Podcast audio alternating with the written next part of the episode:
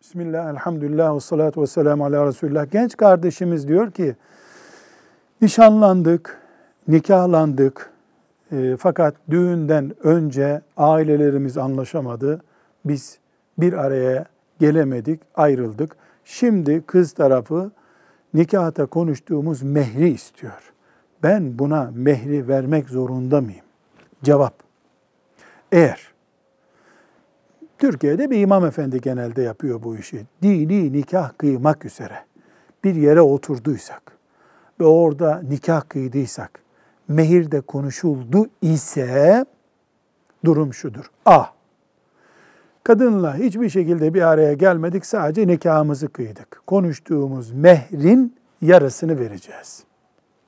B.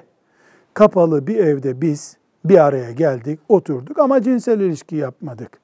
Kapalı ortamı yani bir karı kocanın kullanabileceği ortamı kullandıysak, halvet dediğimiz pozisyon gerçekleştiyse, karı koca olsak da olmasak da mehrin tamamını vereceğiz. Haydi hay zaten yatak odasını kullandıysak zaten mehir verilecek. Velhamdülillahi Rabbil Alemin.